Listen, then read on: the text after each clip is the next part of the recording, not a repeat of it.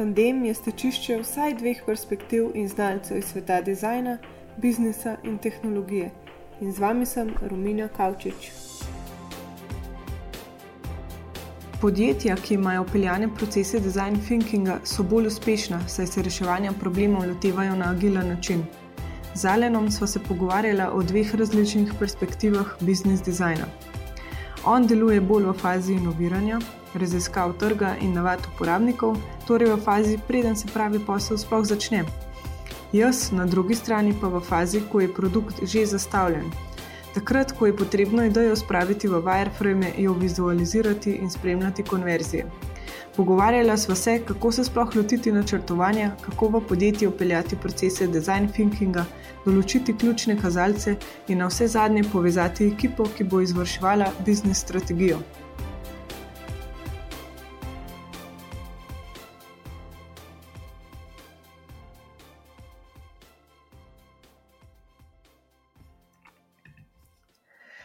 Alen je poslovni oblikovalec, ki se je dizajn naučil pri globalnem svetovalnem podjetju IDEO.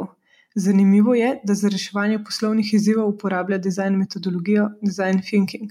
Trenutno dela kot freelancer. Na eni strani uči dizajnerje, kako meriti in pokazati vrednost svojega dizajn dela, na drugi strani pa uči podjetja o design thinkingu. In sedaj nekaj o meni. Sicer je sebe vedno najtežje opisati, ampak v svoji 12-letni dizajn karieri sem sodelovala v preoblikovanju strategij, osmišljanju uporabniške izkušnje in risanju vizualnih podob in jezikov za Stellar, Zemanto, Outfit 7, Databox in tako dalje.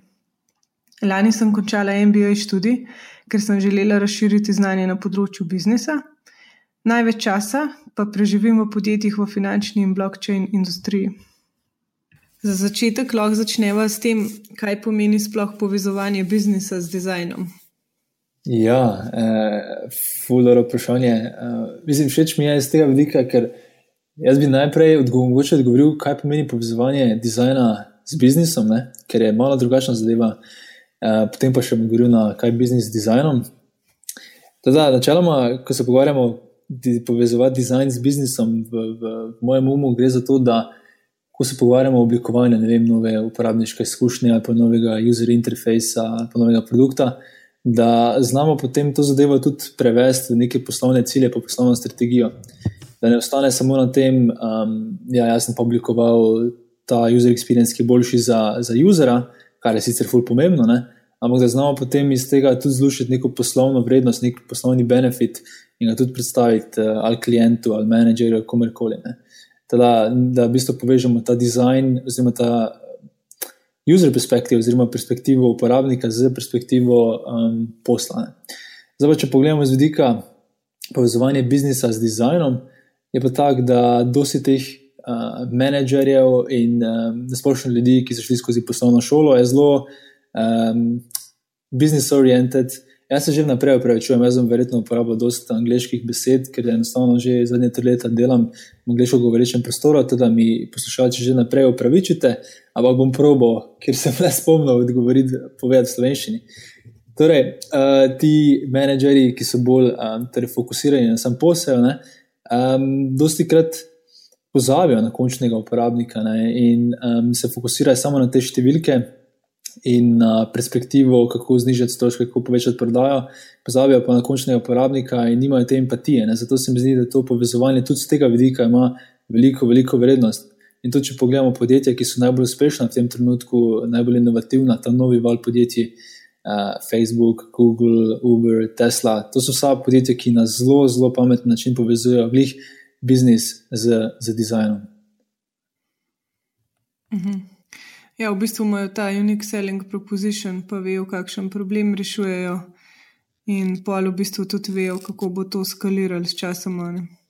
In dejansko imajo celo to produktno ekipo pač prilagojeno za, na strategijo. Točno to. Ja. Če pogledamo Apple, dejansko je. Oni so zelo, zelo, zelo specializirani za to, da delajo najboljše produkte na svetu. Ne? In njihov celotn, celotna organizacijska schema je tudi temu prilagojena in tudi njihov design team je tako zgrajen, ne, da, da je vse. Ja, da vse deluje z vsem, da dejansko produkti so, so top of the top. pri Googlu je malo drugače, pri, pri Googlu je poslovni cilj bolj vezan, oziroma produkt vezan na, na ta software in zato tudi cel dizajn procesi in vse je tudi uh, drugače, drugače oblikovano. Ne? Mhm. Ja, v bistvu se mi zdi, da so oni najprej iskali neko rešitev za problem in pol šele najdel način monetizacije. Ker če delaš nekaj za denar, pol je zelo težko najti nek profitabilen posel, oziroma na dolgi rok se mi zdi, da je vedno slabši. Se ful strinjam. Ja, to je ena stvar, ko pač v biznis dizajnu um, non-stop uporabljamo, je, da eh, ko oblikuješ, ko sem karkoli oblikoval, ne, da nisem začel iz poslovnega vidika, o, to je pa super poslovna priložnost, ampak sem začel z vidika uporabnika, o, to je pa ful zanimiv problem, koliko časa ti vzame in podobno.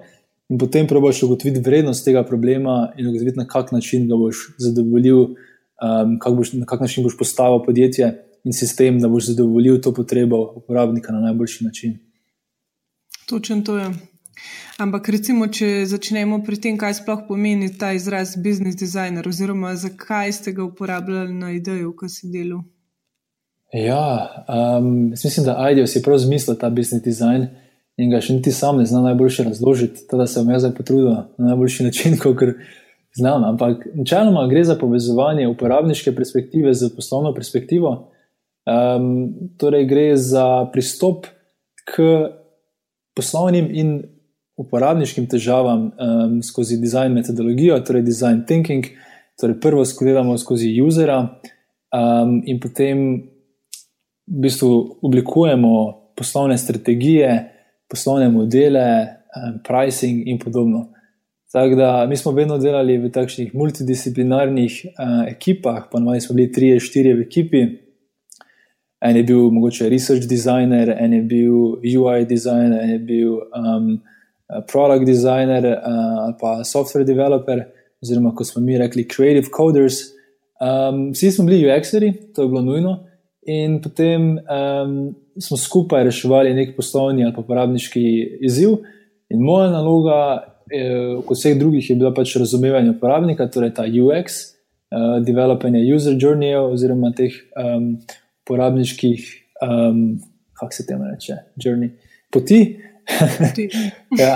um, in torej, na koncu, pa kaj sem jaz moral um, dejansko.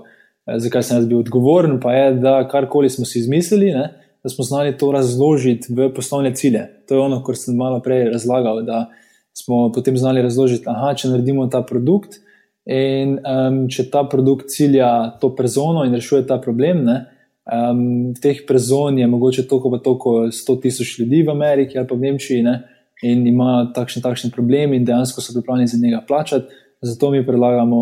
Um, ta poslovni model uh, z, z temi cenami in na tak način, da se vse to izpelje.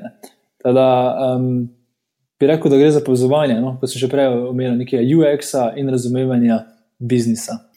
Ja, se je v bistvu pri meni podobno, ker smo vedno delali nekaj. Najprej smo si napisali neke biznis cilje, recimo ali je to prihodek, profit, rast, ne vem, neko zadovoljstvo uporabnikov je tako vedno pol ugled znamke, lojalnost. Pol so pa pač seveda na drugi strani tudi potrebe teh uporabnikov, pa kakšno vrednost oni pričakujejo, in na koncu smo to povezali tudi z življenjskim stilom oziroma čustvi. Um, mi smo vedno pol to dali na nek list. In recimo smo odgovarjali na vprašanje, tako da na začetku je bilo čist basic, ali produkt dela to, kar jaz potrebujem, In smo spet sprašvali uporabnike. Te uporabnike vprašamo, če ta produkt, ki ga oni potrebujejo, oziroma rešuje njihov problem, če so ga dejansko pripravljeni plačati. Uh mhm. -huh. Ko smo že imeli nekaj MVP, smo testirali čustva, oziroma kako se oni počutijo ob tem, ali jih nervirajo, se dobro počutijo. Uh mhm. -huh. Še um, recimo, kako se to upleta v njihove urednote, oziroma ta njihov sistem, v njihov uh mhm. -huh. svet če podpira to, kar oni delajo, pa pač, eh, če je to lahko del njihovega življenja oziroma njihovega sistema vrednot. Mhm. In to je bilo pol, mislim, meni je bilo to zmeraj super, zaradi tega, ker sem lahko napisala pol neka pričakovanja, ki jih mi imamo um, mhm. za produkt, tudi za testiranje. In iz tega smo pol tudi napisali navodila, kaj sploh hočemo imeti, oziroma kako nadaljevati, kakšen uh, workshop narediti. Pa postaviti neke moje, kaj bo, oziroma prioritizirati te feature. -hmm. Dejansko mislim, mislim, da imaš bolj razdeljen pristop, kot, kot smo ga mi imeli.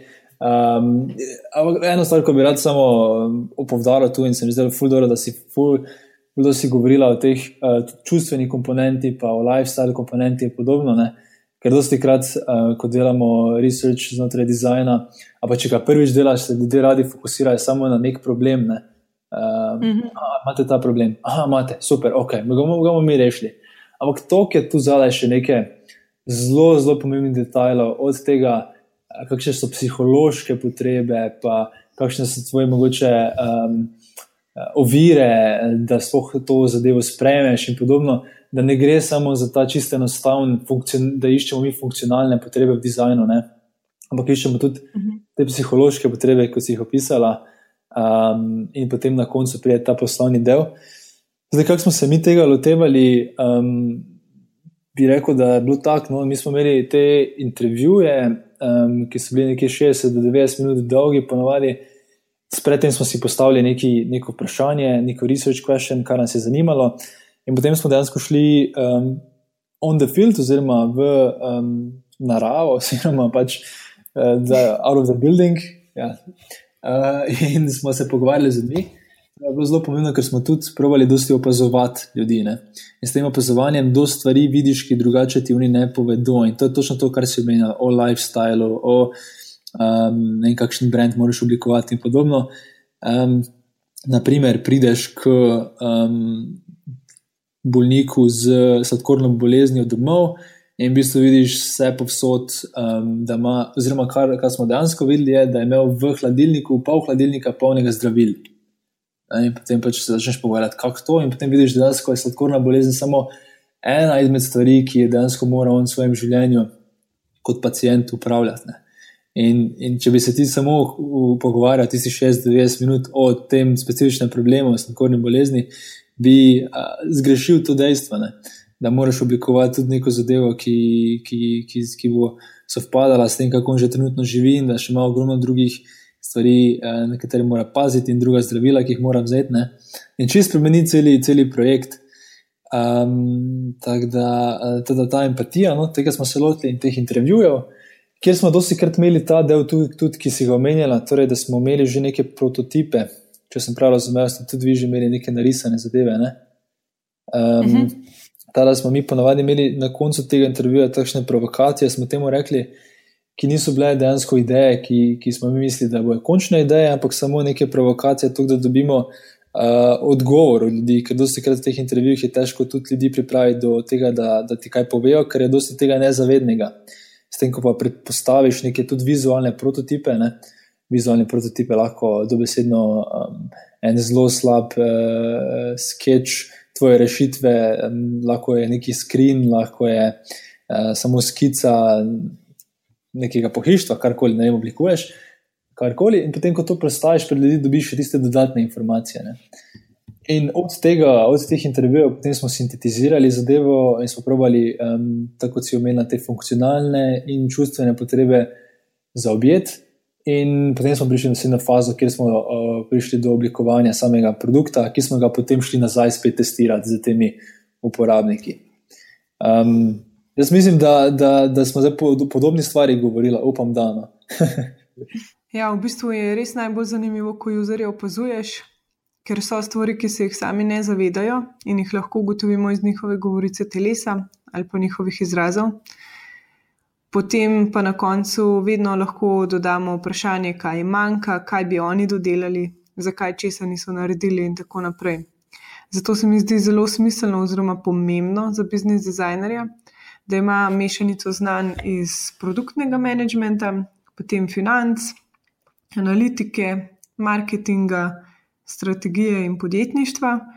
Predvsem se mi pa zdi pomembno, da je kot človek izjemno radoveden, da je v bistvu obseden z izboljševanjem uporabniške izkušnje, da je inovativen, da vedno stvari želi izboljšati, da je emocionalno inteligenten, da se zna povezati z uporabnikovimi težavami, da jih zna razumeti. Na drugi strani pa, da je izredno komunikativen, ker mora komunicirati, je na različnih nivojih, na eni strani pač omogočiti rast podjetja in zagotoviti vrednost lastnikom podjetja, po drugi strani mora pa seveda tudi govoriti jezik uporabnika in ga potem uspešno predati naprej v produktno ekipo, da vejo, kako se stvari lotiti, kaj narediti. Pa da zna tudi kreativno razmišljati o problemu, ne da vedno sledi nekim napisanim pravilom. Zato, v bistvu, če čist poenostavim, so za me biznis dizajnerji neki prevajalci, ki lepijo oziroma povezujejo različne profile ljudi. Meni se mm. zdi zelo zanimivo, ko si ti omenil prej, da ste bili v ekipi sami UX-ari. Ja, pa me zanima, kako je bil, mislim, zakaj je bilo to tako, ker ponavadi je ekipa vedno mešana. Jaz mislim, da moramo najprej definirati, uh, kaj pomeni UX znotraj IDEA, oziroma kako smo mi to dojemali. Pač mi smo, noben od nas ni bil UX, pa smo bili vsi. Torej, danes, ko noben imel, um, noben, noben se ni pojmoval kot UX-er, ampak vsi smo razumeli osnove UX-a in vsi smo jih prakticirali. Uh, ker dejansko cela ta design thinking metodologija sloni na UX-u in na tem, da postaviš uporabnika v, v sam center. In mislim, da obstajajo tudi različni nivoji. Ne vem, če se menimo čist, veš, ko eni rečejo, ja, sem freelance UX-er, pa delam UX, mislijo zelo specifično pogovarjanje s strankami, risanje wireframeov, um, potem uh, optimizacija flowa in podobne zadeve. Jaz, ko rečem UX, mislim bolj nasplošno o, o tem, da postaviš končnega uporabnika v center svojega procesa in da razumeš njegove psihološke in funkcionalne potrebe. In ta del sem tudi jaz opravljal, wireframe, naprimer, sem se zelo malo dotikal. Ne.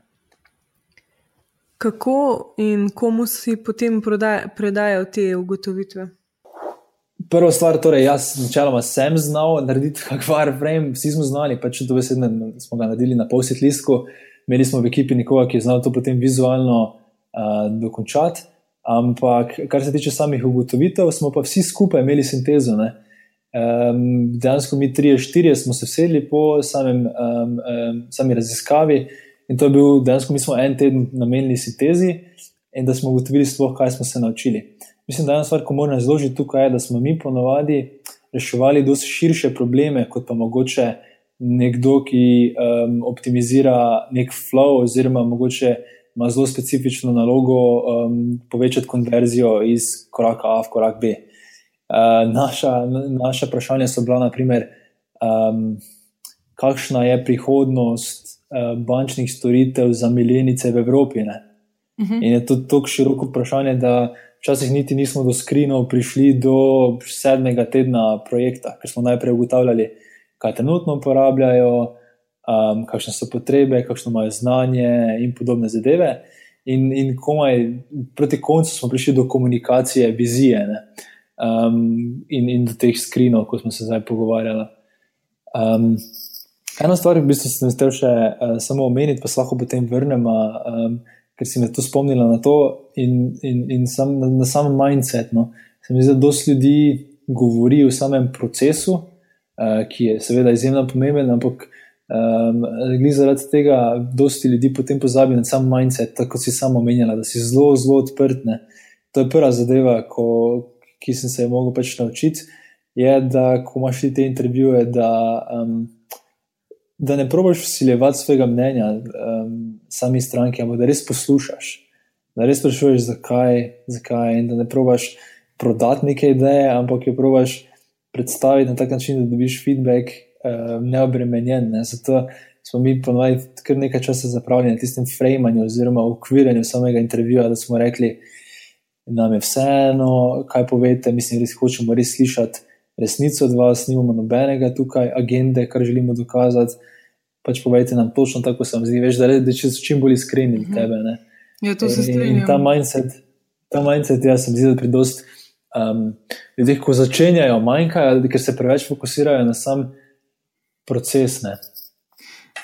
Ja, pa zelo pomemben se mi zdi tudi, da v bistvu vsi ti, ki so prišli na testiranje, ne, da jih prej sprostiš, oziroma da jim prej daš videti, da se v bistvu to delamo, kako smo začeli, v bistvu nek intro.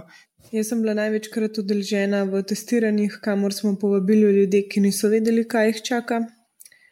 To pomeni, da so poznali samo temo, ne pa produkta. Testiranje je potekalo do maksimalno ene ure. V tem primeru je v bistvu izjemno pomembno, da je človek sproščen. Zato smo prvih 15 minut porabili samo za spoznavanje. Pa se ta počasih ni bil ravno kozi, ker smo snemali tako top-down, kot tudi iz računalnika za izraze na obrazu, da smo lahko potem kasneje tudi opazovali te izraze. Če pa smo že šli ven v kakšne kavarne, parke, je bilo pa to veliko hitrejše testiranje, pa ponavadi za hiter feedback, bolj na strani vizualizacije. Mhm. Pa ja, se to pravi, mislim, ful je res odvisno od faze, v kateri si, pa kakšen projekt imaš, pa vse. Zato je tudi proces tudi zelo. Um, mogoče včasih je pametno iti v, v kavarno, ne? Da, da, da ne bomo zato izpadli, da smo proti temu ali pa da proti nekim kratkemu pogovoru. E, je odvisno pač od vprašanja, ki ga imaš um, in, in kakšne, mislim, od, od same raziskave, kaj želiš doseči z njo. Ne? Oziroma, kako boš pristopil do tega. Teda, bolje je ta mindset, spet pomemben, kot pa ta proces. Je pa to fremanje, kot si povedal, ja, zelo, zelo pomembno, ne, da sprostiš, pa da uh, potem res dobiš tiste. Pa to je tudi to, no, da dejansko včasih traja tudi kakšne, da vem, pol ure, 40 minut, pa eno uro, da se nekdo sprosti. Ne. Um, to se meni tudi na podkastu dogaja, pa verjetno si ti že ti opazila, da prve pol ure se malo loviš, a pa tudi sogovornik um, se malo lovi, še, še, še, še ne ve točno, kaj je povedal. Potem, potem se pa komaj začne tisto, ko se, ko se lepo pogovor razplete. Ja, pa bi lahko še eno, dve urci. Ja. No, zdaj pa, če se vrnemo, v bistvu, kako pa ti gledaš na to, kaj sploh pomeni kreativno razmišljati o biznis problemu. Ker včasih so neki problemi, recimo, zelo taki očitni, recimo ne, zmanjševanje prihodkov, uh -huh. zmanjševanje prodaje in pol včasih je, oziroma ne včasih, doskrat je problem, da se vodstvo aha, takoj se spusti v ok, uh -huh. naše prodajnike v bistvu slabo delajo, nekaj s tem mehanizmom narobe, najdemo vzrok, v bistvu pa vzrok te slabe prodaje lahko velikrat čist nekje drugje. Ne. In zato me zanima, kako ste se vi lotevali tega, ker tako kot si rekel, ste se lotevali v bistvu veliko večjih problemov, kot sem neko rešitev konverzije. Ja, um, se to verjetno tudi, če bi nekdo prišel do nas z vprašanjem, uh, kako znižati stroške, bi mi uh, probali reframati sam problem, ne? kaj dejansko želijo doseči z znižanjem stroškov. Želijo doseči povečanje profitabilnosti, ali želijo vem, premagati konkurenco. Da ugotovimo res, kje, kje je glavni problem. Ne? To zelo se krat slišimo tistih uh, petkrat, zakaj vprašati. Ne. In potem, ko definiramo tisti glavni problem, potem uh, se lotimo dela. Da, na splošno, um, to je meni fully zanimivo in to, to, to je tisti del, ko sem se mogoče najbolj um, vesel, da sem se ga naučil. In sicer, um, če greš skozi poslovno šolo, no, kar sem jaz šel, potem si navaden točno tega, kot si omenila, da probaš čim hitreje z deduktivnim in analitičnim razmišljanjem iti v globino in čim hitreje eliminirati napačne odgovore in nadpravega v dizajnu ne, um, se ne lotiš tega tako, ampak probiš najprej zajeti. Imáš te koncentrične, tak, uh, ko se širiš, pa konvergiraš, ne, divergiraš, pa konvergiraš, eh, dejansko, da probiš iti malo bolj široko. Torej, najprej iščemo inspiracijo. Potem, ko imamo inspiracijo, se nekaj naučimo, potem definiramo boljšo zadevo, potem spet imamo inspiracijo glede prototipov, potem spet konvergiramo, da iščemo, da testiramo in najdemo najboljšo zadevo. Ne. In to podobno zadevo jaz zdaj poskušam upraviti pri poslovnih problemih. Um, zdaj, na mesto zniževanja stroška, bi mogoče raje odgovoril na vprašanje, kako zvišati prihodke. Naprimer, da bi nekdo prišel z to idejo ne? in rečemo, uh, ok, zato imamo tri različne načine, oziroma štiri različne vzvode, od dviga cene do ja, zniževanja stroškov, do povečanja, um, um, koga vse nagovarjamo do povečanja števila produktov, ki ga imamo, in podobno. In potem za vsakega od teh, um, zdaj govorim mogoče o drugem delu, da se razumemo. Najprej smo že naredili user research in vemo približno, um, kaj si uporabniki želijo.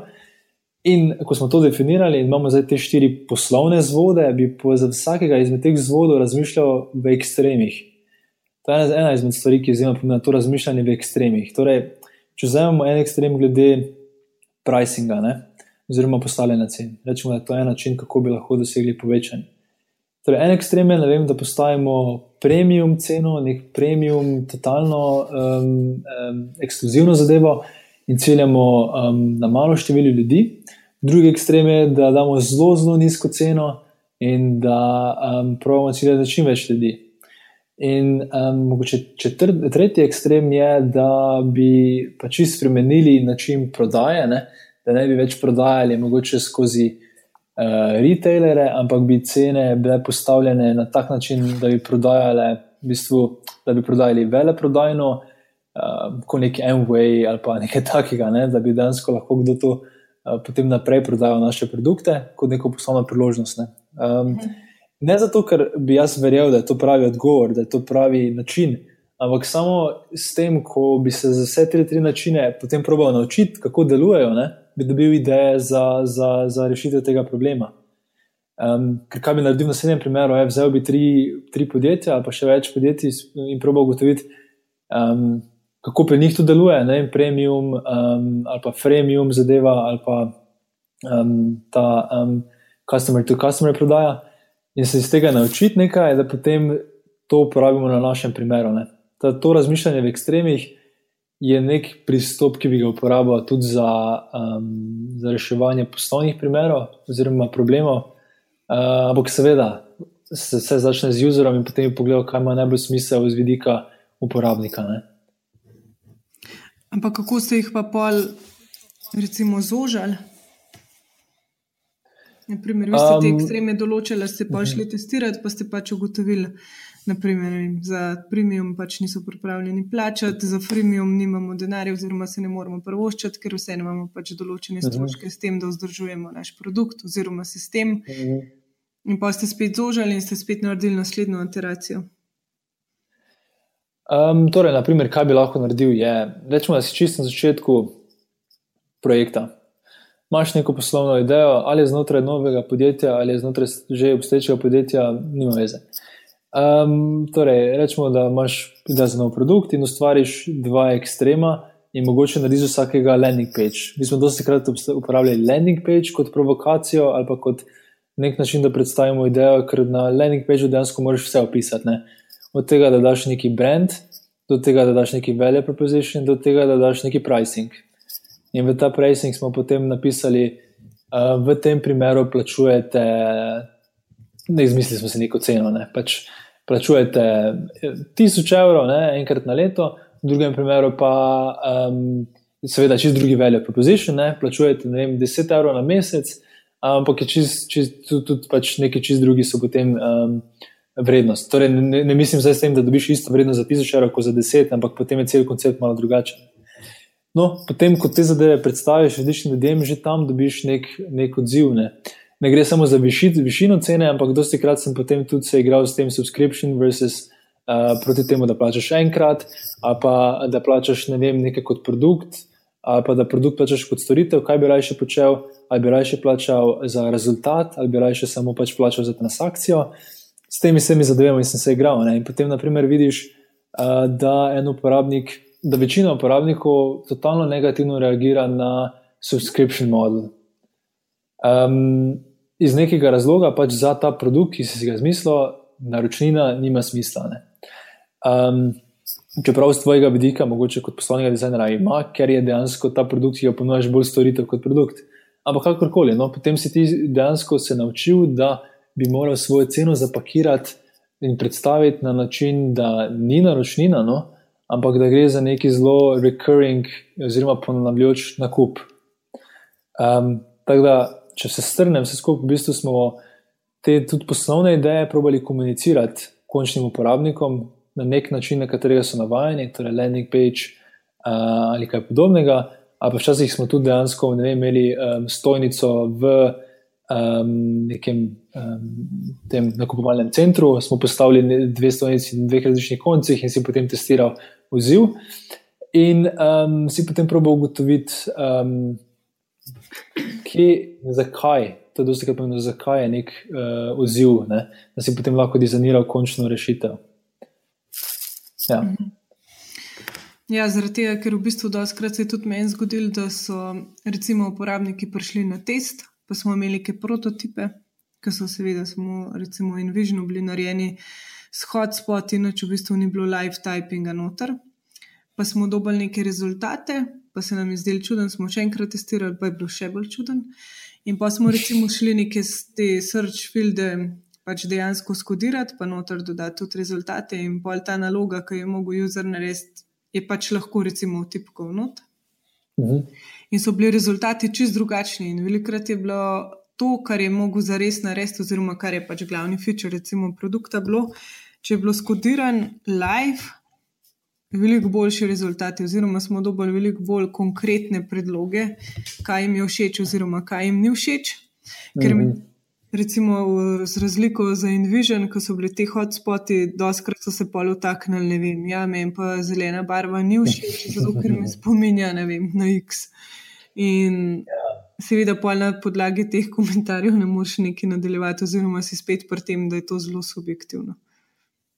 Točno to je. Ja moraš res biti pameten, potem tudi znati interpretirati te zadeve. Ne? Če ti nekdo pove, če ti en reče, da mu zelena barva ni všeč iz X razloga, potem ok, ja, lahko tudi pozabiš na to.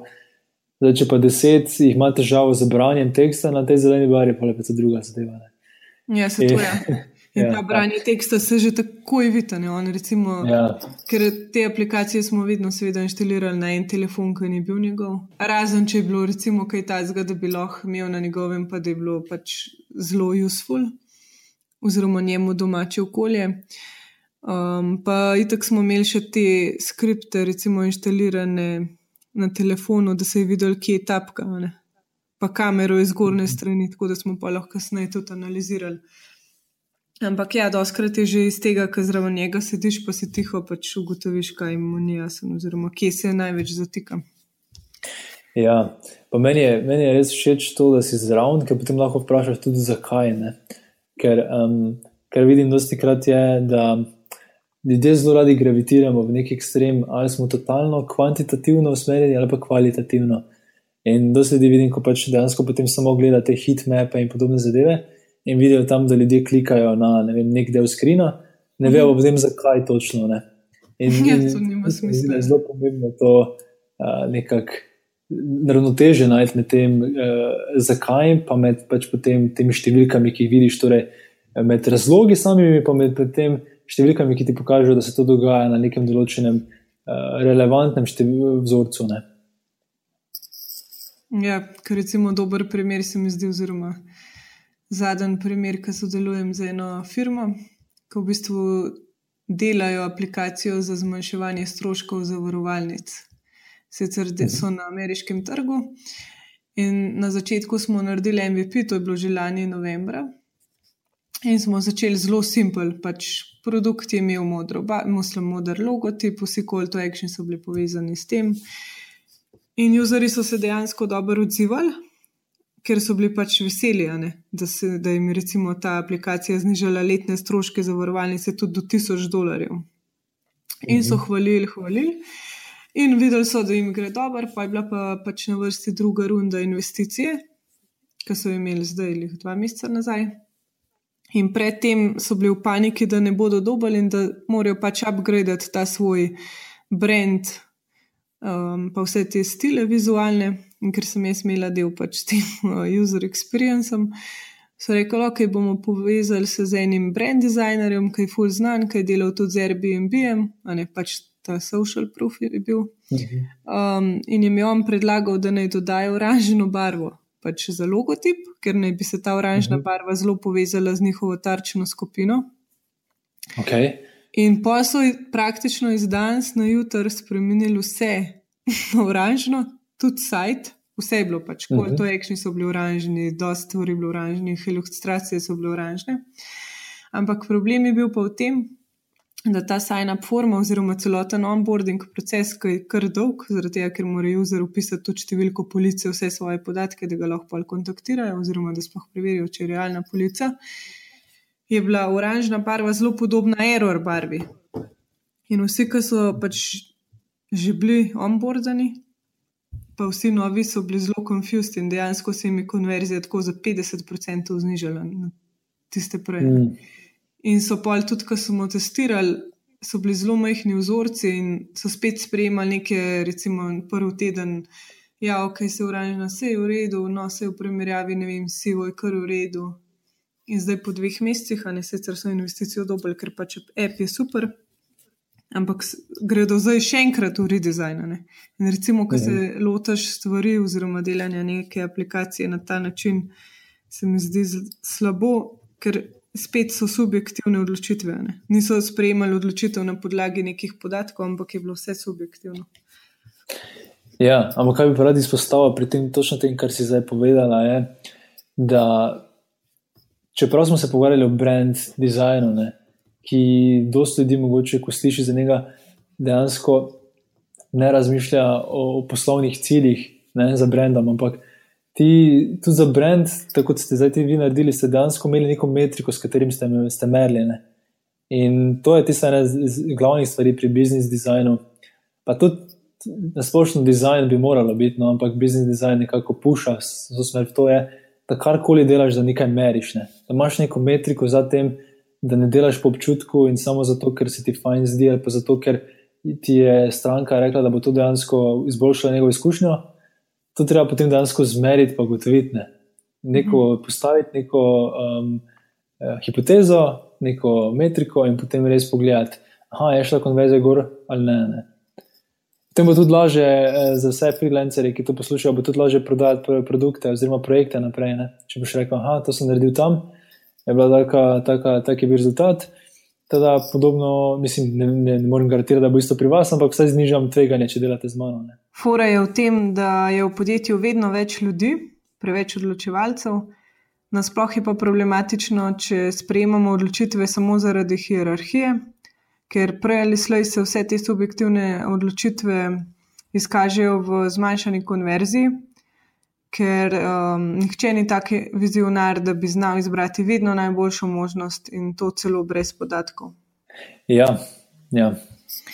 strinjam se. Me pa zanima, če naročnik uh, danes potrka na najna vrata in želi ustvariti mobilno aplikacijo, kakšen bi bil idealni proces dela.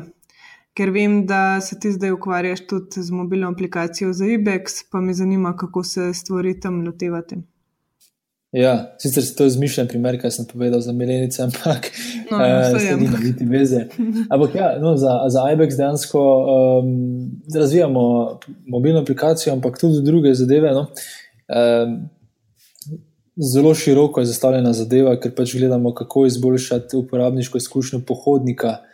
Um, pač naleteli smo v samem eh, raziskavi na ogromno težav, od tega, da ne vem, v četrtek ali pa petek, preden se odpraviš gore, po dve uri ljudje iščejo, kam točno se odpraviti, do tega, da ne najdeš poti na vrh, do tega, da ne veš točno, um, kako točno zgleda uh, na vrhu. Veš, ker dosledi danes zanima tudi, če je ta vrh um, primeren za njihov Instagram in podobno. No. Um, Teda v našem primeru smo se mi lotili zadeve dokaj široko, in je aplikacija samo en del, um, svet na stran drugi. Ampak, če se vrnem torej, na samo vprašanje, kako bi izgledalo, če bi se klient prišel k nam z vprašanjem za narediti neko mobilno aplikacijo. Mhm. Kako smo se mi tega lotili? Ja, najprej, ja, najprej bi jaz pač definiral, kaj je nek, neka želja, sploh, zakaj sploh želi to mobilno aplikacijo. Um, mogoče kot prvi disclaimer, jaz nisem mojster za oblikovanje aplikacije ali česa podobnega, ampak bom nasplošno opisal moj dizajn proces. Torej, kot prvo bi se probo z njim res, res konkretno pogovoriti, uh, zakaj sploh to želi in kaj želi s tem doseči. Ali je to res edini način, da doseže to? Je mobilna aplikacija res najboljši način? Ker v našem primeru mi smo zbrali mobilno aplikacijo, ker je za ta problem, ki smo ga reševali, smo verjeli, da je bila mobilna aplikacija najboljši način. Če bi reševali nek drug problem, ki je mogoče bolj um, primeren za spletno stran ali pa za fizično trgovino pa nek prostor, ne, potem bi mogli se loti zadeve drugače. Torej, ko definiram, kaj je sploh želja klienta, ne, torej neki poslovni cilj, um, potem postavim to, to začetno dizajnersko vprašanje. V našem primeru je bilo to začetno dizajnersko vprašanje, kako izboljšati uporabniško izku, izkušnjo um, pri samem iskanju, kako, na, oziroma kako najti svoj uh, naslednji pohod v, v dveh minutah. Um, ko imaš to dokaj specifično, ampak ne preveč specifično definirano vprašanje, ki še vedno omogoča različne načine reševanja, potem bi jaz definitivno in vedno in vse lež najprej kontakt z userji. Porabnik je najti 10 do 15, 20 intervjujev, kjer pravimo ugotoviti, kaj je trenutna um, neka želja. Ne? Kaj je ne želja, pa trenutno stanje. Torej, kaj trenutno uporablja za reševanje tega problema, uh, kaj, um, uh, kakšne probleme ostale še imajo, pa mogoče druge um, aplikacije oziroma druge rešitve ne, ne vsebujejo, da prijemo do teh funkcionalnih in psiholoških potreb. Ko smo to naredili, se naredi sinteza, se zapišejo dejansko ugotovitve. Um, to so takšni, jaz to ponovadi naredim, oziroma mi smo delali v takšnih kratkih stavkih, to je 5 do 10 takih sinteznih stavkov, ki potem vodijo celi projekt. Um, to so taki actionable insights, smo mi temu rekli, um, ki so napisani na tak način, da imajo vpliv na, na sam dizajn in da so napisani z vidika usera. In ko imamo to napisano, potem se lotimo um, dela. Do zdaj smo samo delali research, to ponavadi traja odvisno od projekta, ampak mislim, pri IDEO smo si mi tu vzeli čas, ker smo dejansko imeli zelo, zelo široke, široke um, uh, vprašanja. To je bilo 3 do 4 tedne. Zdaj, če se lotevamo do manjšega problema, lahko tudi v design sprintu to v enem tednu rešiš, ampak manj kot v enem, dveh tednih jaz nikoli ne bi česar delal, ker težko se tudi sam imersaš v neki nov problem. Kakorkoli, naslednji korak, torej po sintezi, je um, sama. Tu bi jaz začel potem testirati um, neke um, smernice, v katere lahko gremo. Torej, še vedno, še vedno sem dokaj daleč od tistega končnega produkta, ampak testiram mogoče neke smernice. Um, tako smo se pregovarjali o ekstremih tu smo lahko zelo hitrejši. Ne? Tu lahko kontaktiramo spet iste, iste ljudi, da ugotovimo, v katero smer iti. Um, um, in potem, ko imamo neko smernico, glede brenda, glede produkta in podobno, tu potem uh, prijemo naslednji korak, kjer pa se začne potem malo vse skupaj ožati in potem pridemo do tega, da tudi začnemo dizajnirati sam končni produkt. Uh, ko imamo končni produkt, um, končni produkt, no, torej wireframe, oziroma rečemo, prvi wireframe, ki je nekako že zaključena vsebina, kako je produkt lahko izgledal. Potem pa pridemo do tega, um, to bi potem točno to uporabil, ko si ti prej razlagal. Torej, da imamo um, intervjuje oziroma neke um, user sessione, um, kjer mu damo potem prototip, da se odzove na value proposition in na sam um, app, ne vem kako klika, in, in potem um, pravimo iz tega potegniti neke smernice oziroma dognanja za naslednjo fazo, ne, torej za same iteracije. Um, mm -hmm. Zdaj, mogoče smo malo na klienta pozabili, ampak kar tiče klienta, um, če se pogovarjamo, če v redu definiraš na začetku tisto njegovo težavo, ne, um, pa če se z njim res pogovoriš. Um, To je po mojem tista glavna zadeva, da si res dobro definiral njegovo težavo in da mu skozi več čas uh, komuniciraš svoj proces. Ne? Da poveš, zakaj delaš stvari, in zakaj imajo to tudi potem poslovni smisel na koncu. In večina strank je potem tudi zelo vesela, da, da, da razumejo proces, pa je tudi vesela zelo, da jih ti usmerjaš. Ne? Ker ena težava je mogoče, da um, preveč poslušaš klienta, um, ki ima neke določene svoje želje, glede mogoče včasih celo metodologije. In um, v enem v določenih trenutkih, mi smo včasih tudi rekli, da določene več projekta ne bomo delali, če se nam je zdelo, da klient ni pripravljen za, um, za metodologijo ali pa za način dela, katerega mi verjamemo. Um, tada, to je to, kar se tiče nekega tudi client managementa, no, tudi, tudi en del službe, definitivno. Ja, se strinjam, pa da se zdaj nam ponavljala, bom jaz bolj ta client del, um, pač ja. povedala, kako delam. V bistvu meni se tako zdi zelo pomembno, da na začetku jaz že pač njih seznanim z načinom dela, ker jaz načelom oziroma ne spremem projektov, če se recimo ne strinjam z njihovimi vrednotami. Zaradi tega, mhm. ker pa je zelo težko pač delati nekaj, kar ti ni všeč. Um, in v bistvu se mi zdi zelo pomemben, ker recimo, če delam startup, je to zelo majhno podjetje. Um, pa sodelujem kar direktno z direktorjem Ponavadi, če pa recimo že malo večje podjetje, pa pol z vodjo projekta oziroma z nekom, ki je pač zadolžen za, to, za ta produkt oziroma projekt. In kar sem zdaj ugotovila, je zelo pomembno, da v bistvu te timi ne delajo v nekih silusih, ampak da se vsi med sabo povezujemo. Um, ker največkrat, oziroma najbolj uspešni smo bili, če smo imeli neke weekly meetinge, ker, smo, ker sem le jaz del teh sprintov. Ker pa sem natančno vedela, recimo, kaj oni pričakujejo, da se bo v tem tednu naredil. Vedno smo pogledali za pretekli teden, kaj je bilo dobro, kaj, kaj ni bilo, oziroma kaj lahko izboljšamo tudi v našem procesu. In pa v bistvu tudi napisali cilje za naslednji teden. In vsak teden se praviloma ne bi se eno izboljšala komunikacija, in zato je meni bolj delati long-term projekte, ker vem, da moram tudi jaz na začetku vložiti energijo, da sploh spoznam produkt, da spoznam ekipo, da v bistvu skupaj rastemo, ker uh, verjamem, da se pa boljše rešitve naredijo. Um, in ob enem se moramo vsi zavedati, da je v bistvu vedno ogromno iteracij. Naprimer, če jaz oblikujem ta teden, to pomeni, da bojo naslednji teden programeri skodirali in pol bomo dodali cilje za testiranje, to eksperiment, eksperimente dodali noter v kodo, počakali rezultate in še lepo naredili neko novo iteracijo oziroma izboljšavo. In zato jaz uporabljam Sketch program za oblikovanje, oziroma tudi če delam s mojim wireframe, ga uporabljam zaradi tega, ker sem najhitrejša. Pa pa prototipe naredim v InVisionu in spet pač odvisno, da delamo za desktop ali za mobile. In tako kot si že ti prej omenil, se mi zdi v bistvu zelo pomemben, da vedno napišemo, kaj je sploh cilj za recimo določen eksperiment oziroma produkt, ker pa na podlagi tega lahko postavimo metrike oziroma te KPI-je, da se lahko za naprej mhm. orientiramo. Pa seveda tudi, da vemo dolgoročni cilj, da pa vse te male teste peljemo seveda do končnega cilja. Ne. Zanima me, kako izgledajo vaši design workshopi, koga ste povabili zraven, pa kakšne so razlike, ko delaš workshope za definirane projekte ali pa večje projekte, ker je poudarek na zbiranju idej.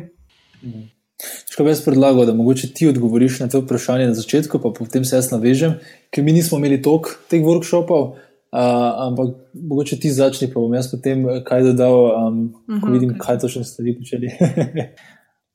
ok, za workshope je bilo v bistvu pri nas največkrat, da smo povabili primer, ko sem delala aplikacijo za nov Doodle. Konkretno je bil naslov, mislim, je bila naloga Doodle, mobilna aplikacija za iPhone smo v bistvu povabili, seveda, njihovega direktorja. Pa smo povabili produkt menedžerja, ki se je največ časa ukvarjal tudi s temi eh, uporabniki, pa enega programerja. Mhm. Pol pri nas smo pa imeli psihologa, pol jaz sem na za uporabniško izkušnjo. In to je izgledalo tako, da v bistvu smo se na prvi uvodni delavnici dobili, smo pogledali, kaj deluje, kaj ne. Torej, moram povdariti, da produkt smo že vsi poznali. Ni bilo tako, da jaz prvič pridem na to delavnico in v bistvu ne vem, niti kaj dodelje in me morajo oni razlagati. To se vse zgodi prej. In pol v bistvu smo delali različne vaje. Ne? Recimo, napisali smo neke feature, vsak je mogel napisati top feature, ki se mu zdijo pomembne, pomembni. Smo jih izobesili na tablo, in pa je prišlo do glasovanja. Recimo, vsak ima štiri glasove in moraš dati pač na določene feature, ki se ti zdijo pomembni. Pa, ko smo to zvedeli, smo delali doskrat tudi ta hard uh, framework, to je v bistvu ga tudi Google uporablja. To pomeni, da smo mogli napisati recimo cilje, signale, pa metrike za recimo happiness, engagement, um, pol adoption, retention, pa task success. In pa smo spet to primerjali. In to je bilo v bistvu ponovadi pol kar konc, zaradi tega, ker ta delavnica je, je tako bila že par ur in ponovadi so vsi utrujeni. Pol naslednji dan smo pa nadaljevali in smo delali tudi ta business model Canvas. In smo dodajali um, pač vse, kar se nam je zdelo pomembno za partnerje, za propositionne, customer relationship, te segmente, kanale, pol kako oni lahko več zaslužijo. In tudi te SWOT analize so bile del tega, zaradi tega, da so se oni pozicionirali, kar hočejo zdaj narediti. Ker recimo tren, v tistem trenutku so imeli oni najbolj izpopolnjeno desktop aplikacijo, ampak uporabniki so se pa želeli imeti nekaj uporabnega na telefonu. Pa največ userjev so imeli na iPhonu, pa vedeli so že iz testov, da so iPhone userji pripravljeni jim največ plačati. In zato se jim je zdelo logično, da bodo, najbolj, mislim, da bodo najprej uložili uh, sredstva za um, iPhone aplikacijo. In šele na to, če bo uspešna, pa če bodo dobili dost um, prihodkov, da bodo vložili še v Android verzijo.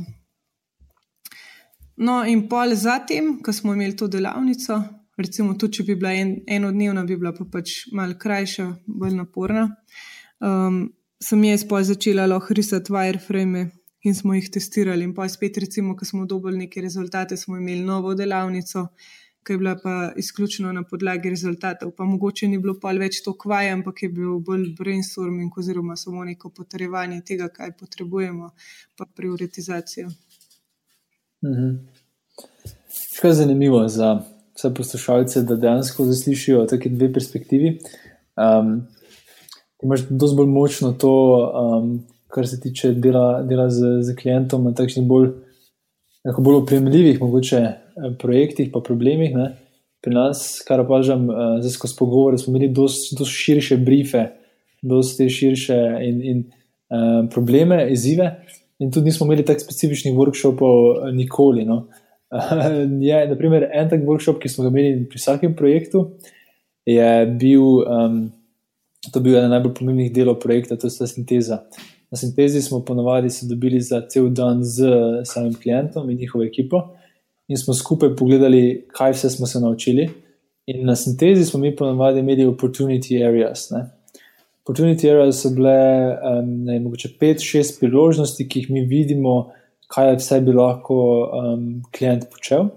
In tam smo se potem skupaj odločili. Ne. Tam je za mogoče to zanimivo, da mi smo prenesli ta user perspective um, in tudi nek delno no, poslovni, pa tehnološki, ker vemo, kaj je dejansko možno izdelati, pa kaj ima poslovno smisel.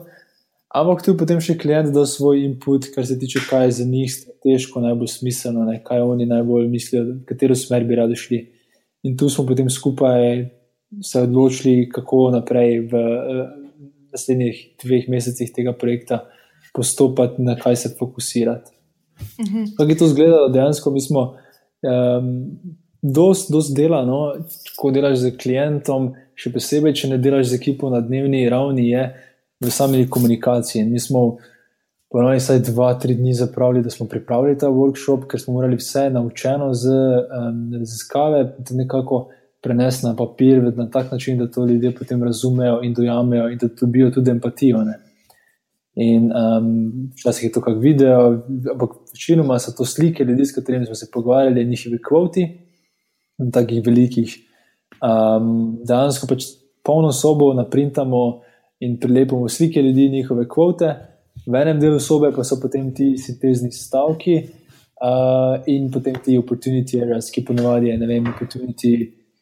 Ne vem, rečemo, vaš software mora biti bolj modularen, naslednji je fokusirati se treba na onboarding, zato ker bla bla bla. Ne vem, pet, šest takih uh, opportunity area. Ne? In um, potem se skupaj pravimo fokusirati na eno zadevo. Ponovadi vsak od klienta, pa vsak od AI je dobil neko um, uh, tri, štiri take krogece, kot si tudi samo omenjala, smo jih nalepili na te postere, smo videli, kaj ima največ glasov in smo potem pravili se zediniti, da se na to fokusiramo naprej v naslednjih um, tednih. Zdaj, tu, ko delamo z IBEX, smo malo bolj konkretni, pač moramo te feature in zadeve uh, definirati. Ampak mislim, da je malo zadeva drugačna, ker smo um, vsi del ekipe in smo nekako fulno tekočem s komunikacijo. Teda ni toliko usklajevanja. Se pa seveda zgodi, da tudi, ko imamo neki design workshop, ko se ne odločamo, kako naprej. Naprimer, glih zadnji smo razmišljali o različnih poslovnih modelih in kaj se najbolj splača. In smo si, ne vem, napisali sedem hipotez, kaj vse možno. In smo imeli, um, to je bila bolj business model, business design workshop in so torej imeli teh sedem uh, hipotez. Um, na vrhu lista pa je bilo potem, uh, koliko je težav z implementacijo od 1 do 10, um, koliko je um, zadeva um, profitabilno od 1 do 10, um, pa še nekaj, kar se zdaj ne spomnim najbolj. Uh, sem pozabil, če te tretjo zadevo. In potem smo enostavno samo pogledali, uh, sešteli in ugotovili, v bistvu, kam se nam najbolj splača naprej uh, fokusirati. Um, to to ja, bi nekako bili neki workshopi. Ja. Ja, hotela sem te vprašati, da v bistvu včasih pride pri teh delavnicah, lahko je tudi slaba stvar do tega confirmation bias, ne vem, kako naj to prevedem. V bistvu do tega, da glasuješ za tiste, ki imajo več glasov, ker včasih sam uh mhm. -huh. ne veš, kako bi se odločil, oziroma, na primer, so ti dva fiturja uh mhm. -huh. full blizu in pa upoštevaš mnenje večine. Um, in pol vidiš, da tam ja. več piks, pa rečeš, ok, ima dober, bom še jaz dal piks, vse pol se bo pa to razvil. In recimo tukaj je lahko slabost teh um, delavnic, če vsi ja. vemo, mhm. kaj delamo. Ne?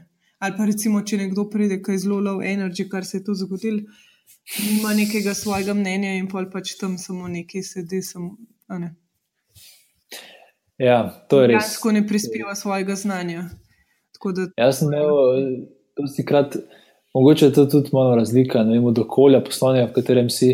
Um, ko smo rekli, no, načeloma z američani, ko smo delali, je bil bolj kontra, mogoče je problem, da so vsi imeli zelo močno, močno mnenje, ne, ki so ga probali prodati, in potem moraš na drugačen način, v bistvu, jih zediniti. Tako da lahko imaš tudi kontra problem. Ja, ker verjeten. Recimo, največ, kar se je treba zadeti, je tudi, kaj je sploh MVP, recimo, kdaj je produkt objavljen. Um, mm -hmm. Ker vsak ja. različno gleda, da je. Recimo, meni je zelo zanimiva ideja tega Gajka Vasakija, um, ki je enkrat rekel: pač, Don't worry, be crappy. -hmm. In sicer pač je hotel s tem povedati, da moramo produkt izdati takrat, ko nismo zadovoljni, tudi če pač vse ne dela samo zato, da testiramo, če je pač ta naš feature oziroma glavni um, problem, ki ga rešujemo, uporabnikom všeč oziroma jim pač olajšuje življenje, in pol v bistvu se hitreje premikamo naprej, ker nikoli ni v bistvu tega perfect timinga, ki bi nam pomagal, oziroma bi pač mi zdaj objavili in pa bi kar največ zaslužili. Ja, jaz še vedno iščem ta perfect timing.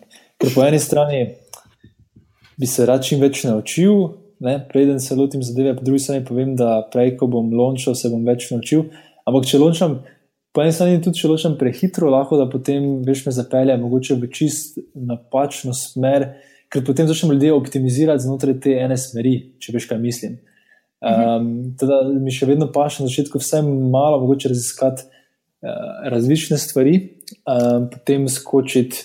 Um, veš, mogoče to ideja večjih MVP-ov. Uh -huh. To je mogoče tista stvar, ko, ko, ko razloži, kaj točno imam v mislih. Pač, ja, ok, MVP, hiter MVP je super ideja, ampak da ne lončaš samo ene zadeve, mogoče lončaš tri zadeve, uh, ki so še bolj skrepi in, in dobiš še hitreje odgovor. In to te prisili, tudi da razmišljaš o MVP-u na drugačen način. Ne? Mogoče MVP več ni produkt, ampak je samo value proposition. Ne? Imaš website z. Uh, value propositionom in probiš dobiti e-mail uh, sign-up. Um, ampak je fajn tudi testirati časih različne uh, tarifne skupine, da ugotoviš, katera mogoče. Um, Katera je tudi najbolj, tu pa potem pridemo malo do tega uh, poslovnega dela, da ugotoviš, da ena izmed teh tarifnih skupin ima dejansko največji problem in je najbolj pripravljen za njega plačati. Ne? In um, se mogoče potem samo na njih fokusiraš, ampak za njih mogoče odločiš tri MVP-je. Če pa še ne veš o teh tanjših skupinah, je dovolj, pa potem mogoče za vsako. Um, ja, to je že malo triki. To je. Ja, spet odvisno, v kateri fazi si. Če še to ne veš, kateri tanjši skupini, pa bi bilo to smiselno. Ja. Zdaj me pa zanima. Ta proces je res. Tako, sorry, sem to povem. Ta proces je res, uh, se mogoče se zdaj, ko se v pogovor vidi, da je res toliko nekih različnih možnosti, in da ni za samo en način, kako zadeva narediti, vse odvisno od samega briefa, pa od izziva. Ne. Točno to je, v kateri fazi si. Zato me ja. zdaj zanima, recimo, če sem jaz zdaj v fazi kot podjetje oziroma neka večja organizacija, kako lahko prenesem v svoje podjetje biznis strategijo, kako ne organiziram procese, ekipo oziroma ta mindset, da se bo najlažje izvrševala biznis strategijo? Ja, torej ena stvar, o kateri um, se zato vedno več govori, je ta organizational design, ki je v bistvu. Um, Uporaba teh metodologij, o katerih smo se pogovarjali, torej hitra iteracija, pogovarjanje z uporabniki, v tem primeru so to zaposleni, da izboljšaš procese v podjetju. Ne. In to je tudi ena stvar, katero smo počeli. Torej, ko smo definirali, kaj ta produkt je in kaj potrebuje, smo ponovadi napisali tudi implikacije za samo organizacijo. To ponovadi gre na znanja, ki jih potrebuješ, na procese um, in um, tudi um, incentive za, za zaposlene. Um, nekaj sem še pozval, torej imamo zaposlene um, torej znanja, procese in strukturo, torej urejenost teh, um, te ekipe, no, torej kakšne morajo biti ekipe strukturirane. In dosti krat smo potem dejansko mi napisali seznam um, kadra, ki ga potrebujejo, da lahko to idejo sploh implementirajo. Ne. Naprimer, če delaš na, če ugotoviš, da pa ljudje fulj želijo um, imeti neki nasvet o njihovih financah, ti veš, da ta nasvet o financah ne moreš na scalable način do, zadovoljiti dovolj poceni, veš, da potrebuješ mogoče artificial, artificial intelligence, torej potrebuješ ljudi s tem, tem znanjem. Potem, ne vem, um, delaš, delaš bolj um, produkt, fizični produkt. Veš, da boš predal produkt dizajnerje in podobne zadeve, to je tako bolj nasplošno, torej kakšen kader potrebuješ potem probaš malo definirati, v kakšnih skupinah morajo delovati, da bo to smiselno. Tudi dosti krat uh, ta multidisciplinarnost pride naprej, ker podjetja še vedno niso navajena tega. Um, potem pa se pogovarjamo o samih procesih. Torej, um, to se da tudi zelo lepo dizajno uporabiti. Da rečeš, ok, ta proces pri nas ne deluje. Dajmo pogledati različne ekstreme pri različnih podjetjih, od Spotifyja, ki je znan po svojem ekstremu, do mogoče Apple, ki je znan po nekem drugem svojem ekstremu. Ne? Dajmo videti, kaj se lahko s tem naučimo in inspiriramo, in dajmo izvesti vem, tri eksperimente za to, kako bi mi za naše procese, in dajmo videti, kateri najboljše deluje z to našo strategijo. Ker tudi tukaj gre za, če smo v zelo začetni fazi, gre za neka ugibanja. In zakaj ne bi tudi z našimi poslovnimi procesi delali eksperimente, v bistvu dizajn eksperimente. Ne? Máš prototip, rečemo, ok, da bomo dva tedna, en mesec to probati, kako ga bomo merili, sprobamo in potem dobimo nek rezultat. In vidimo, če to je skladno z pričakovanji zaposlenih in z pričakovanji um, post samega biznisa, in če tudi uh, pomaga uh, reševati težavo usera. Teda ta organizational design je nekaj, kar bi vsem predlagal, da si malo, uh, je tako nova veja, no dizajna, bi fulj predlagal, da si več preberejo o tem, um, ker je zelo lepa priložnost tudi za podjetja, pa tudi za neke nove freelance karijere in um, karijere v podjetjih, da, da nekdo dejansko uh, uporablja te procese za oblikovanje samega podjetja. -huh. Ja, v bistvu jaz imam čisto. Mislim, ja, imam zelo različna, različne izkušnje. Ker recimo, ko sem na Evernote, imajo, oni imajo pač proces dela tako, da imajo ekipe po šest ljudi in vedno imajo enega programerja, enega dizajnerja, enega UX kopija, copywriterja, pol projektnega vodja, pa še prevajalce. Pol.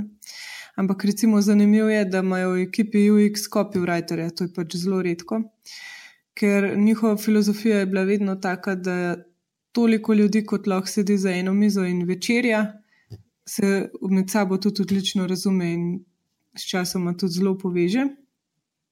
Ampak recimo problematično za me je bilo, da so delali samo na enem featureu. Naprimer, če odpreš Evernote, so, je ta ekipa, ena ekipa delala samo vem, na srču.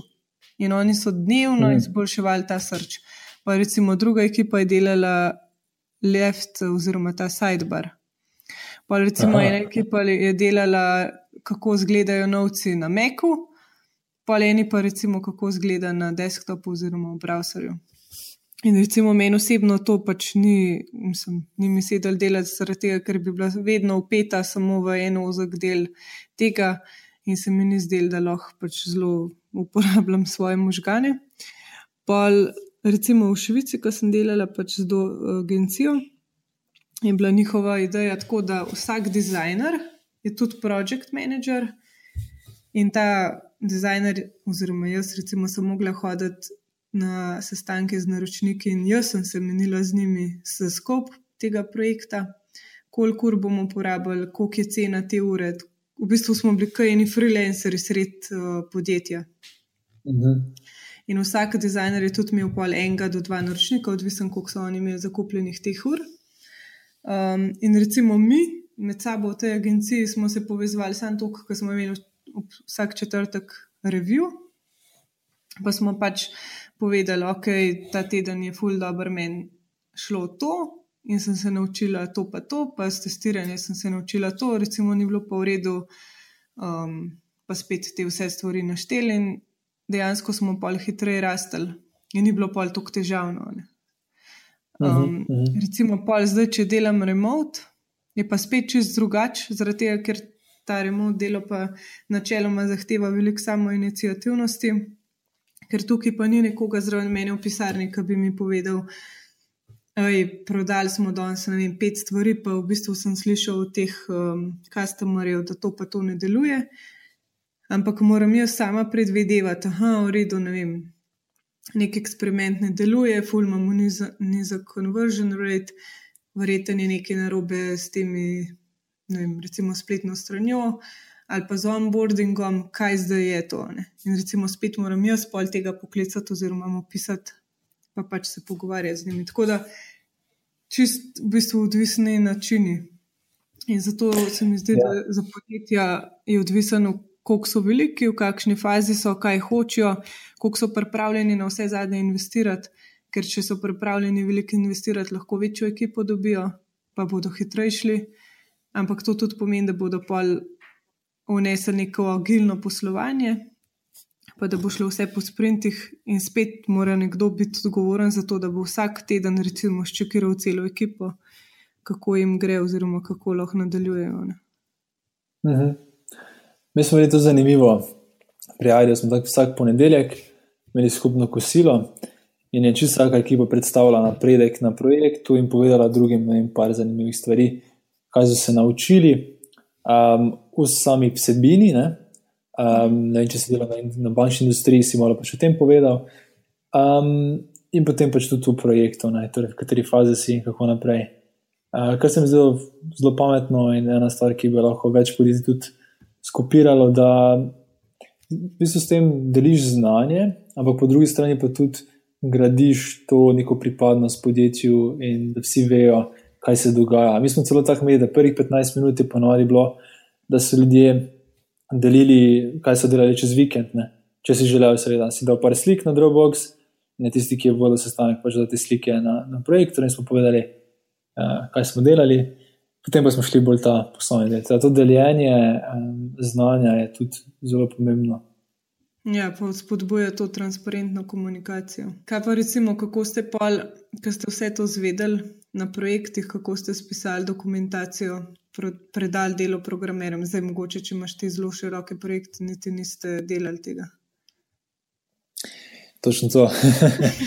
Za načeloma, če bi to delali, bi potem uh, verjetno se bilo to pisanje user storyjev, ampak tam reče, kaj smo mi počeli, mogoče bolj lahko več o tem povem. Um, torej, mi smo na koncu uh, predali, um, odvisno od projekta, seveda, ampak na koncu smo mi predali že testiran nek produkt. Zdaj, um, če greš tudi na spletno stran ID, lahko vidiš različne projekte. Naprimer, en projekt, ki ga je tudi ta pisarna, kateri sem jaz bil v Mintnu. Delala je bil post-terminal za Avstralsko banko, in kaj smo v tem primeru naredili, je vse. Od tega, da dejansko smo šli do, da smo naredili prototip, do tega, da smo ga testirali v kontekstu, torej v samih um, um, torej trgovinah, restauracijah in podobno, in spisali vse specifikacije, kako to mora biti izdelano. Ne? To je mm -hmm. fizični produkt. Potem za nek, um, za nek um, bolj digitalni produkt, včasih smo celo na koncu bili najeti, da ga izpeljemo, ker je bilo toliko zahtevno. Pa včasih se dosti krat zgodi, da vizija potem, če eno podjetje, ki je vizijo nekako spisalo, da potem drugo podjetje to prevzame, da pride do neke šuma v komunikaciji in podobno, in da se ne izpelje vse. Da smo včasih tudi sami izpeljali. In v tem primeru um, smo imeli tudi v bistvu developerje, ki so dejansko zadevo uh, skodirali in je potem to bil um, kar produkt.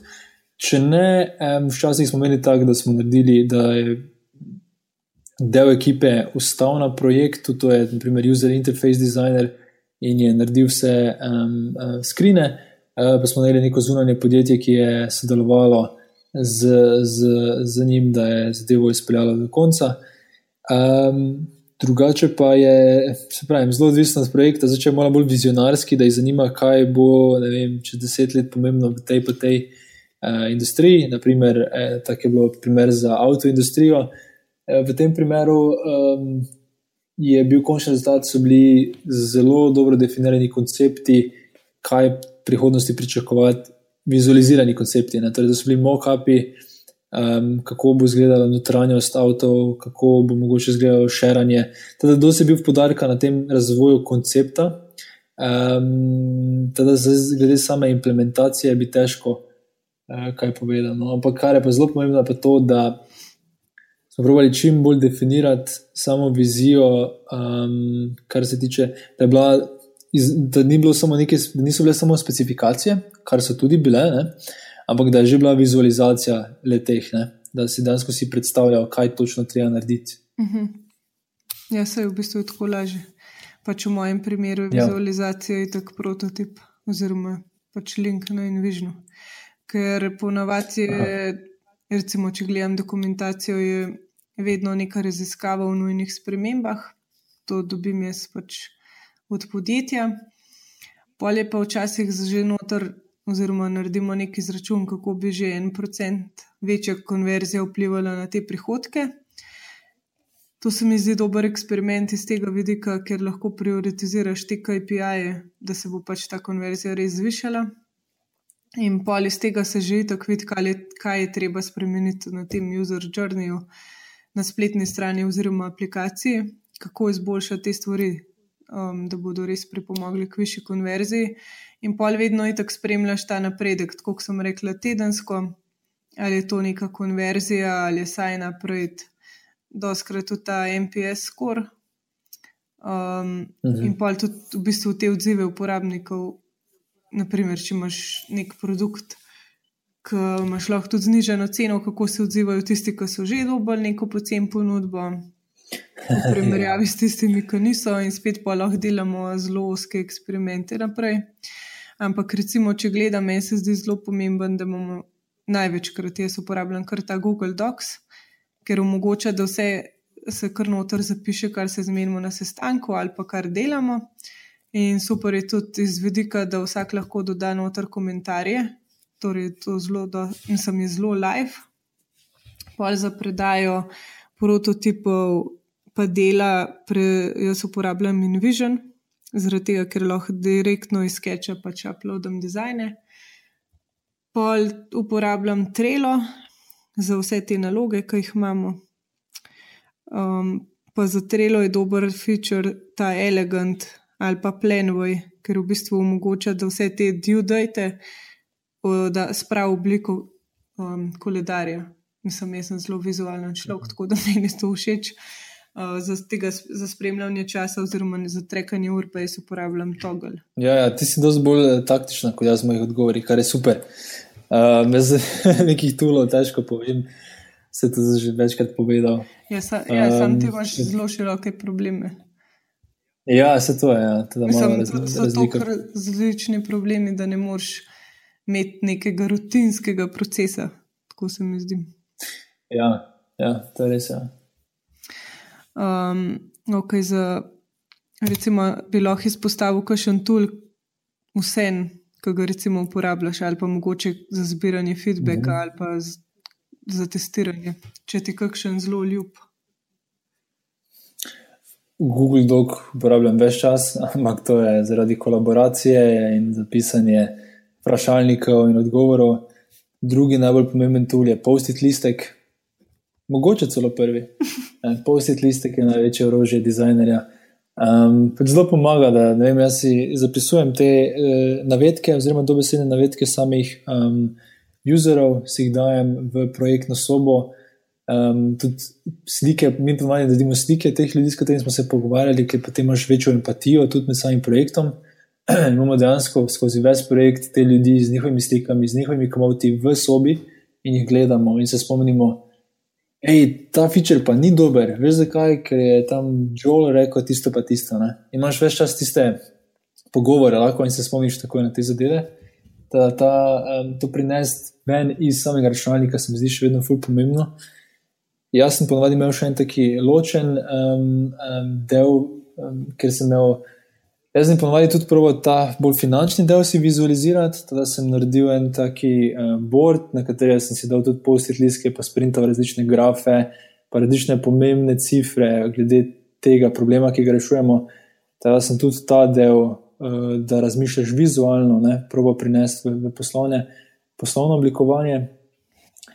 Uh, potem za mene je bil, seveda, Google Spreadsheet tudi pomemben, ko sem kdaj računal sam revenue case, pa uh, kako bi to potem vplivalo na, na, na naš rezultat. Um, kaj še tako? Ja. iPhone je bil zelo pomemben, seveda, za snemanje um, teh posnetkov, če je bilo kaj potrebno, in slik. Um, hm. Ja, v bistvu ti delaš večinoma, oziroma več v tej fazi pred wireframe, v bistvu ta raziskava. E, to to, ja. Hm, vse načeloma s Sketchom sem tudi delal, um, sicer nisem nek mojster, ampak glih to, da sem znal vizualizirati idejo.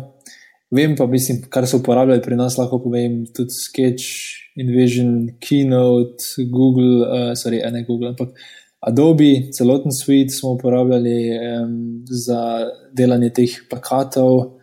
Um, Zdaj še par zihar sem kaj pozabil, definitivno, ampak to pač vse te klasične dizajn programe, mislim, da če jih nisem jaz, pa so jih moji sodelavci uporabljali. Ja, se je. Um, jaz se je recimo uporabil še ta principal oziroma framework za animacije, pa dobe After Effects je tudi super za bolj napredne aplikacije. Ne, ne aplikacije za bolj napredne animacije. Mhm. Um, Mi smo včasih to eh, še uporabljali Google Slides na mesto Keynote ali PowerPointa, ker enostavno je bilo, ja, sicer ne more biti tako lepo kot v Keynote ali pa če narediš kaj druge, ampak je to lažje, no? to lažje za delanje teh končnih prezentacij, še posebej, če ekipa 3-4 lahko ob enem popravljaš zadeve, ne čakaš in si ne pošiljaš prek Dropboxa in potem usklajuješ. Da, uh, vsi ti tuli, ki ti mogoče de, simultano delo na enem dokumentu, so res uh, super. Okay, če, zdaj, če bi recimo povzela vse to, kar smo se danes mhm. pogovarjali, kako lahko podjetje zviša nek revenue z dizajnom, me zanima, kaj bi ti izpostavil, kateri koraki oziroma stvari so najbolj pomembne za dizajnerje. Mhm. Um, prvo, mislim, s tem vprašanjem sem se ogromno ukvarjal, ampak na enem nivoju, mogoče više.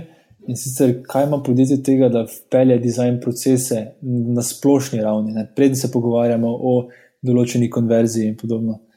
In zanimivo je, da um, obstajajo dve raziskavi, ki so zelo znani na to temo, da pač podjetja, ki so uh, design centered oziroma vpeljujejo dizajn procese, da so da outperformajo oziroma boljš, imajo boljše rezultate tudi delnic in same poslovne rezultate, kot podjetje, ki nima teh dizajn procesov. Um, lahko poiščem po poslovnem pogovoru, pa ti dam povezavo. Uh, ampak to je tako na splošnem. Dizajn se definitivno splača. Tudi če pogledamo podjetje, ki ga uporabljajo in, in njihovi uspehi so pač neizpodbitne zgodbice. Ne? Zdaj, kar se tiče samega konkretnih zadev, pa je um, Meni se zdi pač vrednost dizajna ogromna, ker prinese ponovadi v podjetjih, kjer imamo večino ljudi, ki so zelo uh, business oriented ali pa technology oriented, prinese ta tretji aspekt, um, aspekt uporabnika in zbalansira vse te tri pomembne aspekte um, podjetja, ki so tehnologija, poslovna stvar in user perspective, in skupaj dejansko potem lahko dosežeš dosežeš boljše rezultate. Um, za sam return on investment na dizajn, pa uh, specifično, tako kot si ga naši menedžeri želijo meriti, pa je potem treba meriti na zelo specifičnih ali projektih, ali pa potem na samih featurejih. Tu pa prijemo nazaj na tisto, ko smo se pogovarjali, da je treba definirati, um, ko nekaj počneš, da definiraš, kaj so metrike, ki jih lahko um, spremljam in ugotovim, kakšne so returne. Torej, naprimer, um, spremeniš landing page, neki value proposition, pa ne vem, samo pozicijo gumba ali call to action in se zviša um, konverzija. Lahko to potem nekako preračunaš, koliko je vrednost tega. Ne?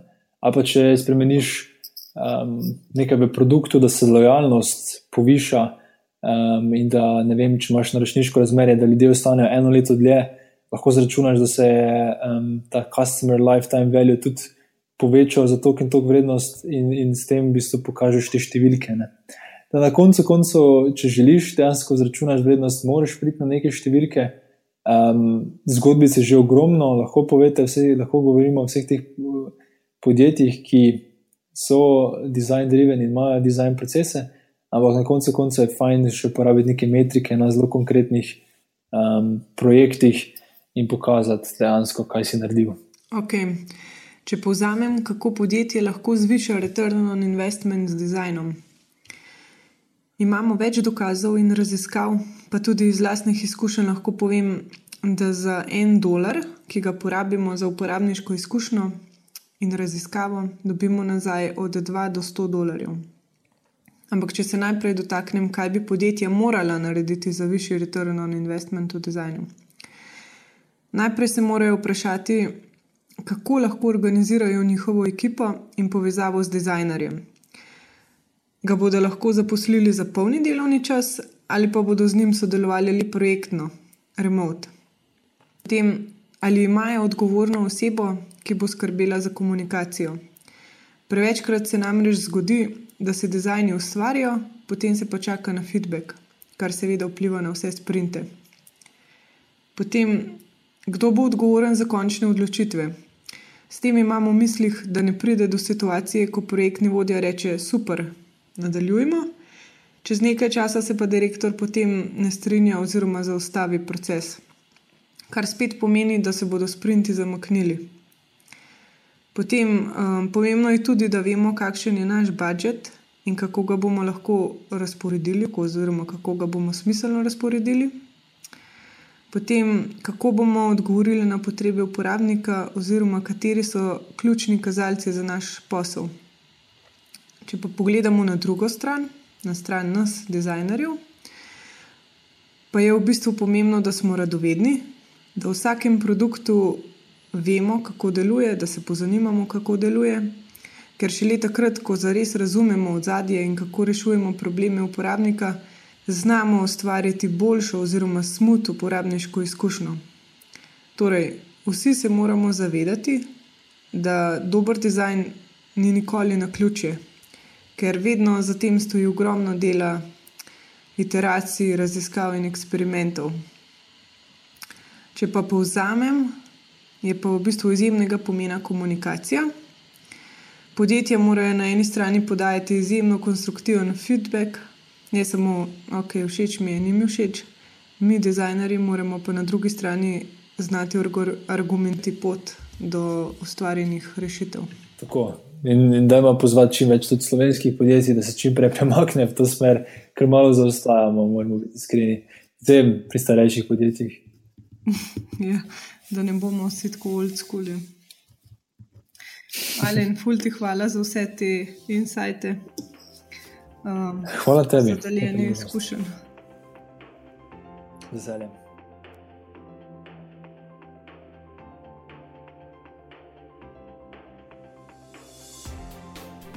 Tandem lahko spremljate na Twitterju, Instagramu in Facebooku pod Poslušaj Tandem. Vaša mnenja in predloge pošljite na hajafna poslušaj tandem.si. Adijo, se slišimo čez 14 dni.